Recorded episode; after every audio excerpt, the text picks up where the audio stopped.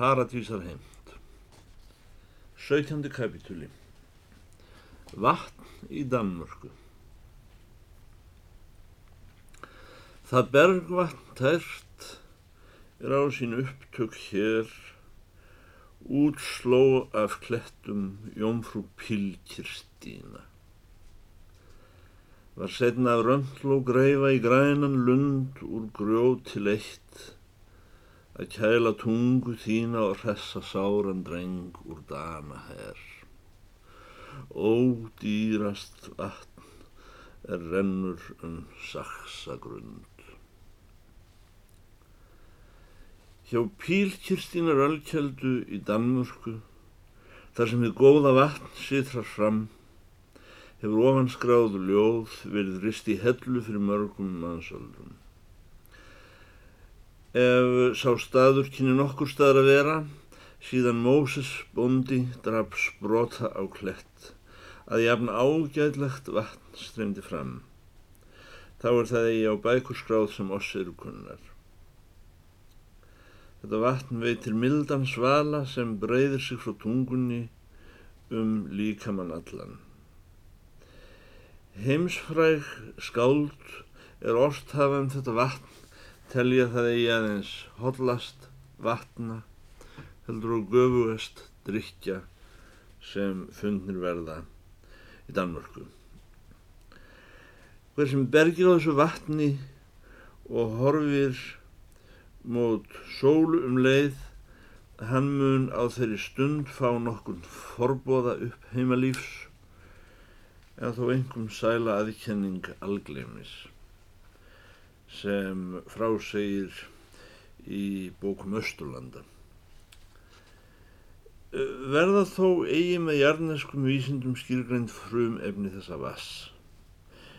En ég heldur bent á hvaðan svo stóri þryfnaðar auki kann að berast sem býr í vatninu og verður mannum því að lofa alnáttúruna og blessa hennar smið af bergingu svaladryggs er þar stökkur á grjóti. Hef ég skrifað að sjúkir og sárir eh, fá af þessu vatni merkilega línan? Og hver sem situr í myrkvastofu það hýrnar yfir honum við þetta vatn.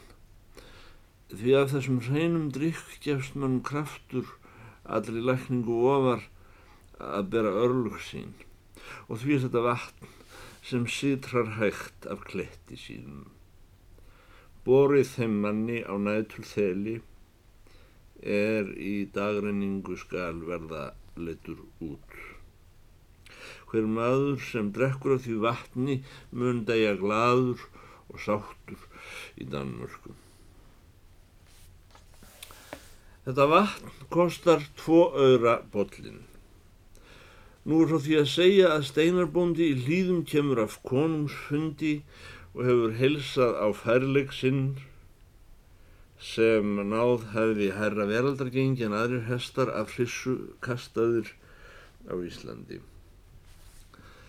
Hefur látið konga og keisara sem mestri verð á jörðu, hókrað kistilkorni og endist vald þeirra og viska skamt til að ljúka því upp þó allir lögðu saman var þar á lítil stóð að náð Guðs sem þessir menn hafa í tilli sínum enda voru þeir búin að týna hvaðiðinu. Bondi segir svo við stúdentinn þá er þeir eru komin út fyrir hallalíðið mig þýstir. Ég hef heyrst þess getið að hér sé nærlendis sá staður sem mestur verður í Danmörku, sækir Öls, hvað þar heita Pilkristínar Ölkjelda. Hef ég nú einsett mér að fara þángað að drekka. Stúdentin svarar að þar var nokkur nýstáleg fræði upp í höfð. Er bændur undan steinallíðum á Íslandi vilja segja hafnar stúdentum til öls. Hefur eigi heist getið þessu öls, er bóndi skjalar af, segir þó hefði íslenski stúdentar hér lafað í staðnum rúmar þrjár aldir höfðu ennfremur að því hann sagði aldrei hýrt að kynnast skemmtun og dagradvöl í Danmörku utan drekka öll. Þykir stúdentum hart er bændur skuru koma í Íslandi og þykjast vita betur um öl í Danmörku en þeir. Hér í skóginum, segir þessi stúdent, eru margar góðar krár sem geysi haglegt er að vitja. Þar bera menn fram hérna ágætustu ölva. Telur stúdentin ekki setna vætna að fagna kapitúlaskiptum sem nú eru orðin í sögu Íslands er móðskeggur gerist ofmaður konunga og keisara eins og í fornum lísögum en þeir fýblhans. Í annan stað er trunda hans hundfittuð og sett ofar konungsráðgjöfum í Danmörku. Hveður íslenska stúdenta munu lengi drekka meira í Danmörku býðendur annars stags því líks. Bóndi segir að hann vil gjarna fagna deginu með því að bergja af drikk sem frægastur eru ágæðastur í Danmörku. Þeir spyrja sig nú fram til lundarins þar sem pílkirstínar ölkjölda sprettur af bergi sem að ofan getur. En að stúdentin sér vatnið verður honum eigum sel. Hvati hann bónda af skyndingu og hvarf.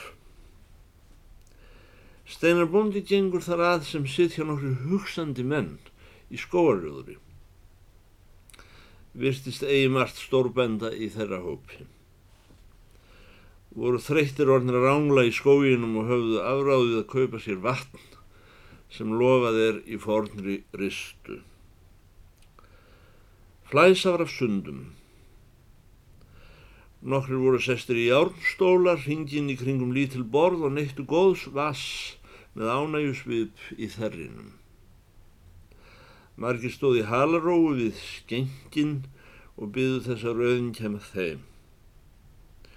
Bóndi var lengi að stafa sig fram úr hvæði er þar stóð klappað í bergið á þjóðtungu dana en neðan undir þessi orð eitt glas tvo öra, kanna fimm öra og er hann hefði lesið nóð þá fór hann í stróluna að býða þess rauðin kæmið honum að kaupa sér vatn. Nú sem hann hefur kæft sér vatnið þá ber hann það varlega sér að vörum þar sem hann stendur. Var bóndi þyrstur orðin og glattist á sál og líkama af hverjum sopa vassins.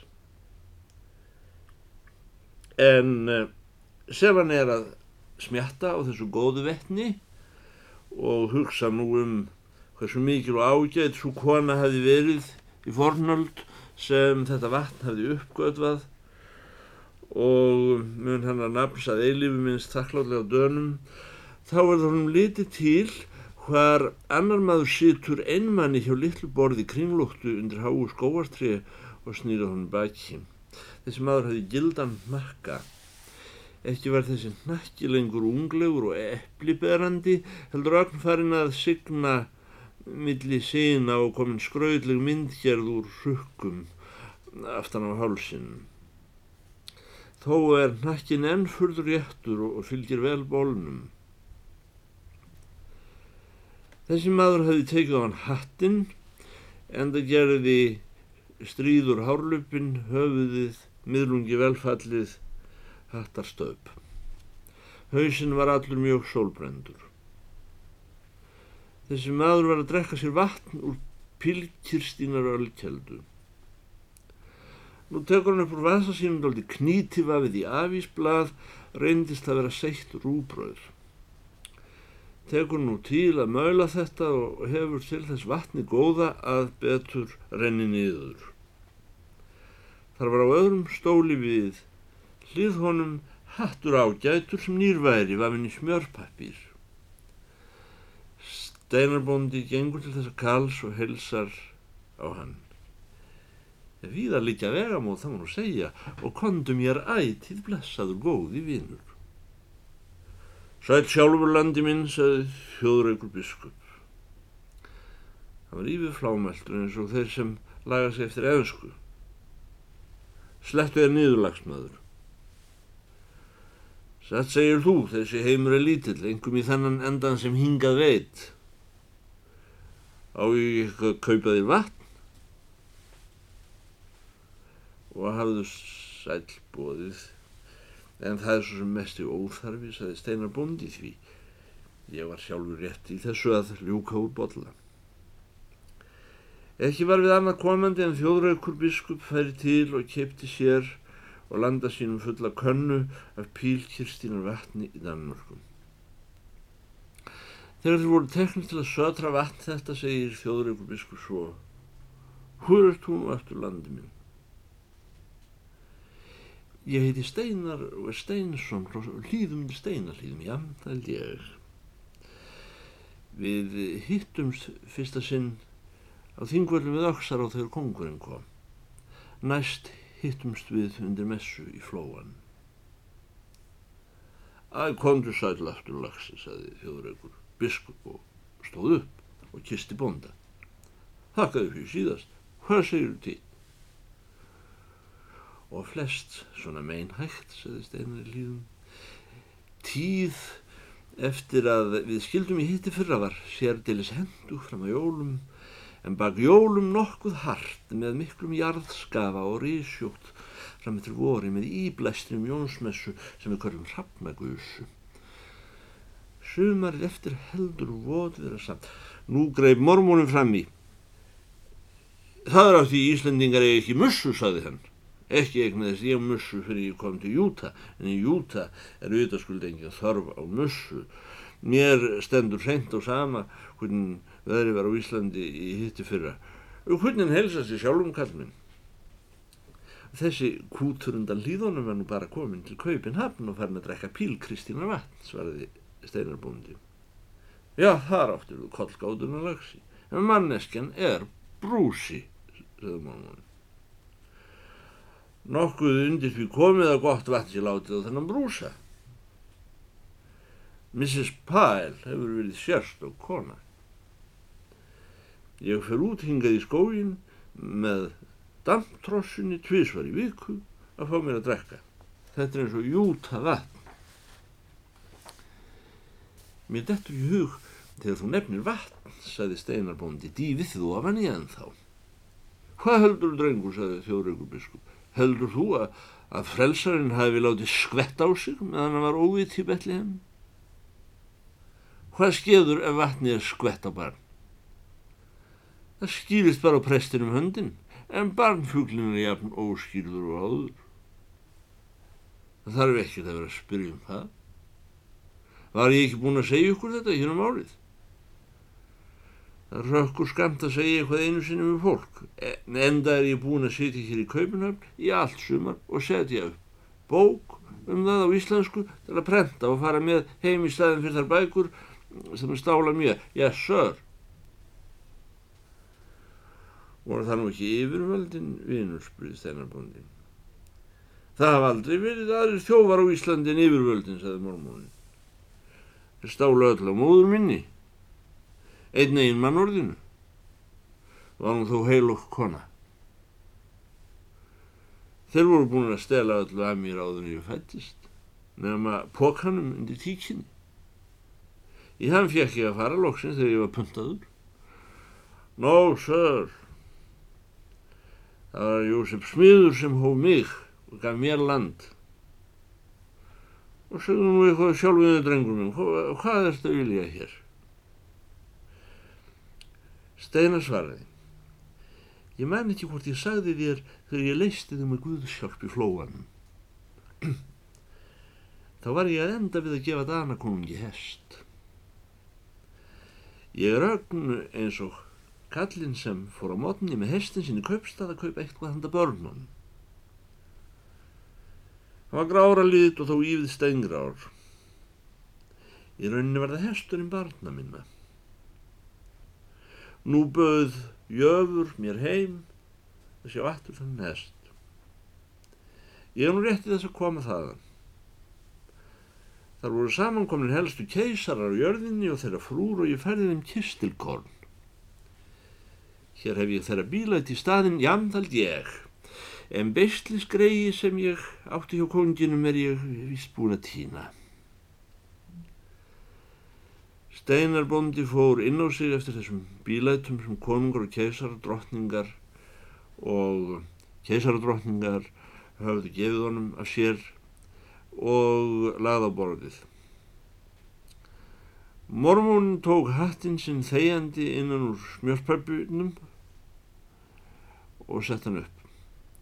Var ekki trútt um að þessi snurfusaði spónhúsan í hattur stingi ekki í stúf við rukkótt, grómtekið og veðurbítið andlitið á mormóninum. Svipuð hefði eitthvert útlend nettmenni glemt þessu appirætti út á víðavangi nán var tiltekið upp á raunkalli. Við uh, mormónur setjum ekki upp hatt nema til að venda okkur fyrir ofsól, segði þjóðryggur biskup. Heyrði ég rétt? Hann sett upp glerun sín með viðhöfn og let þau vega salt á nefnbrottinum, dró niður mumvikinn eins og hægt var, þurfti samt að halda myndunum seilingu frá sér til að sjá. Dreiklanga stund virtuður fyrir sér bíleiti þessi af gull snúruðum herrum og drottningum með jötun efldar likjur á berandalunum var enginn svo mandið á jörðu nýja afreg og hreistiverk er ekki hefði skil eftir merki sitt í orðu á brjóstum þessara manna. Ekki var laust við að kjökraði ögn í bondanum undan hlýðum. Þegar mormónin var búin að skoða nóg, fór hann að bera sig að vefi aftur smjörpappilnum utanum hattinu sinni. Augunum á bonda tók síðan ofan glerun jafn hátíðlega og hann hefði sett þau upp. Hann spurði Hvað skaltu með þessa ónýttisvilsu? Fyrirgefðu þó ég takk upp þykkuna fyrir mína konungavinur, segði hlýðabondi. Og þá ekki síður blessara keisarana. Þó ekki verið nema hann Georg Gryggja konungur sem sem er lægstur maður á þessum bílætum og sáður á hreppnum í Greiklandi. En það kalla Danir þeir ekki fyrir skrói. Hann er samt að nafni og virðingu lánt fyrir ofan einn og sérhvern Íslanding. Meira segja, þó mormónur verður laður við, geti ég best hugsað. Hehehe. En þá var velgerða konu. Þessir menn eru þeim og nær Guði en við sem þeir eiga meiri þátt í að stjórna heiminum. Já, svo best að sé ekki tómi bálvaði reyfarar, sagði þjóðreikur biskup. Og þar með er ég farin að segja fleira en bæninnar mínar. Láttu mig samt spyrjaðið einu áður en ég steinheld kæfti. Þú segist að við gefið þeim kistilinin. Áður varstu búin að segja þú hefði gefið þeim hestinin. Tilfúrs allastu að þessum mönnum. Nú var hlýðabondin komin allir út á þekju og farin að horfa á dægileg blóm sem uksu þann í Danmörsku, skáhald við þá í litlum reyð. Fallið er nú blessu blómi hér í landi og komið höst, sagði hann. Já, þetta er allt einn kálgarður og aftur kálgarður, sagði þjóðurökurbisku. Þá sagði bóndinn að hlýðum. Þegar ég horfði á hann að steinu mín að sofa, svona sæla í miðri þessari óknar veröld og ég held hún hefði verið þrevetur, þá rann upp fyrir mér að smiðurinn sem hefur samið heiminn ef hann er nokkur. Þá var hann öldungi smakalaus. Guðminn, guðminn var ég að hugsa að þetta fríðleiks indi skuli bráðum vera líði hjá. Setna egnaðist ég Piltkorn sem hann eins og Eil Skallagrimsson og Gunnar á Hlýðaranda og Norgs konungar. Hann sopnaði með auksjúr spýtuði kynina sín og kvöldin því hann alltaf sigra heiminn. Meðal annar orða, hvað er nú aftur fyrir vestan eðimörkina sem hún myndist á hér um árið? Og ætla sér ekki kistil, sagði mormónin. Það var og, saði bóndin, og hvernig kistil hann þar? Tabernakl, saði mormónin. Það var akkurat, sagði bóndin. Já, hérna, ekki nema það þú. Með leifi, hvers konar ílátar það? Lóttu svo lítið að fáðu meira kallt vatn, sagði múlmúnin. Þú eittir að lýsa auk fyrir mér þessu íláti sem þú nefndir, sagði bóndi, svo ég hef eitthvað að hugsa um á leiðinni heim til Íslands í staðin fyrir kistilgreið mitt. En einhverjum og sér í lagi til að segja börnunum frá. Bríkámur, vinnur minn, arftæki smiðsins, markaði fyrir því árið eftir ég kom yfir eðimörkina. Síðan fórum við að smíða. Það er 250 feta langt, 150 feta breytt og 80 feta hátt. Lokið hvílir á 44 súlum úr sandsteini. Þegar við smíðum það, þá var þúsund mílna langur og óravegur til næstu byggðar fyrir austan að kaupa nagla. En 800 vestra sjó þar sem eftirlull hefði einnegin mátt kaupa söm. Svo við afreðum að kaupa ekki nagla. Það væri fróðlegt að vita hvað heldi saman þessu mikla íláti, sagði Steinarbóndi. Er það geirnert? Jósepi Smíð hefur nú ekki orðið skotaskuld úr að halda því saman sem meira var lagsi, sagði mormónin.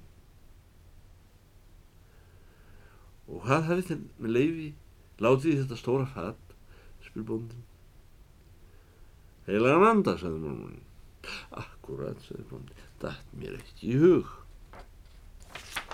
Þá smá fer nú að gefa auga leið hvers vilið kistilgreiði mitt hefur verið. Og hvernig fóruðu nú að leiða Guðdómin inn? Við smíðuðum honum organ, sagði mormónin. Í það sóttum við kjörfið og bárum á uksum 300 mílur vegar. Það er mestur söngviður í vesturheimi. Því heilagur andi býr ekki orðum þó að neyði stundum til að hafa slikt upp við sönglösa menn. Heilagur andi býr í söng. Þegar Hortveikja var tilbúið organ og tabernakl þá líkaði andanum svo vel hann kom sjálfur til að búa þar. Já, sör. Söngmeistarar heimsins hafa gert för sína til Júta að syngja áttar hljóðfæri sem þeir segja að gefi frá sér hjartnæmastan. Són allra jarðsmíða. Tíðindi segir þú vinur með steinarbúndi. Sá maður sem kemur með fáinar skónálar úr köpstað og annað ekki. Þarna heyrði hann þó loksins nokkuð þess verðt að segja börnum sínum frá. Fáir menn hafa á Íslandi verið jafn oft vendur um líi og þjóðraugur biskup, saði mormónin. En það skallt ekki trúa mér. Sjón er sögur íkari lagsi farð og sjáðu sjálfur. Ég held ég myndi vilja gefa þótt áldið til að mig að fara og skoða kistirinn þinn, saði bondi. Sæls á maður er á í slíkum kistli. Kanski þar sé fundin kjörgripur við hæfiðan og doktur minnar litlu sem svaf svo vel og pillkorninsins sem ég nefndi. Væri ég ekki að leggja á stað til Íslands á damskipin ekki á morgun heldur hinn, þá myndi ég vinna til að klöngrast yfir eðimörkina vegna barnkindarinnar. Guður að vísa nokkuð dýrsaldur kaupmaður en hann svíkur önguan, saði mormónin.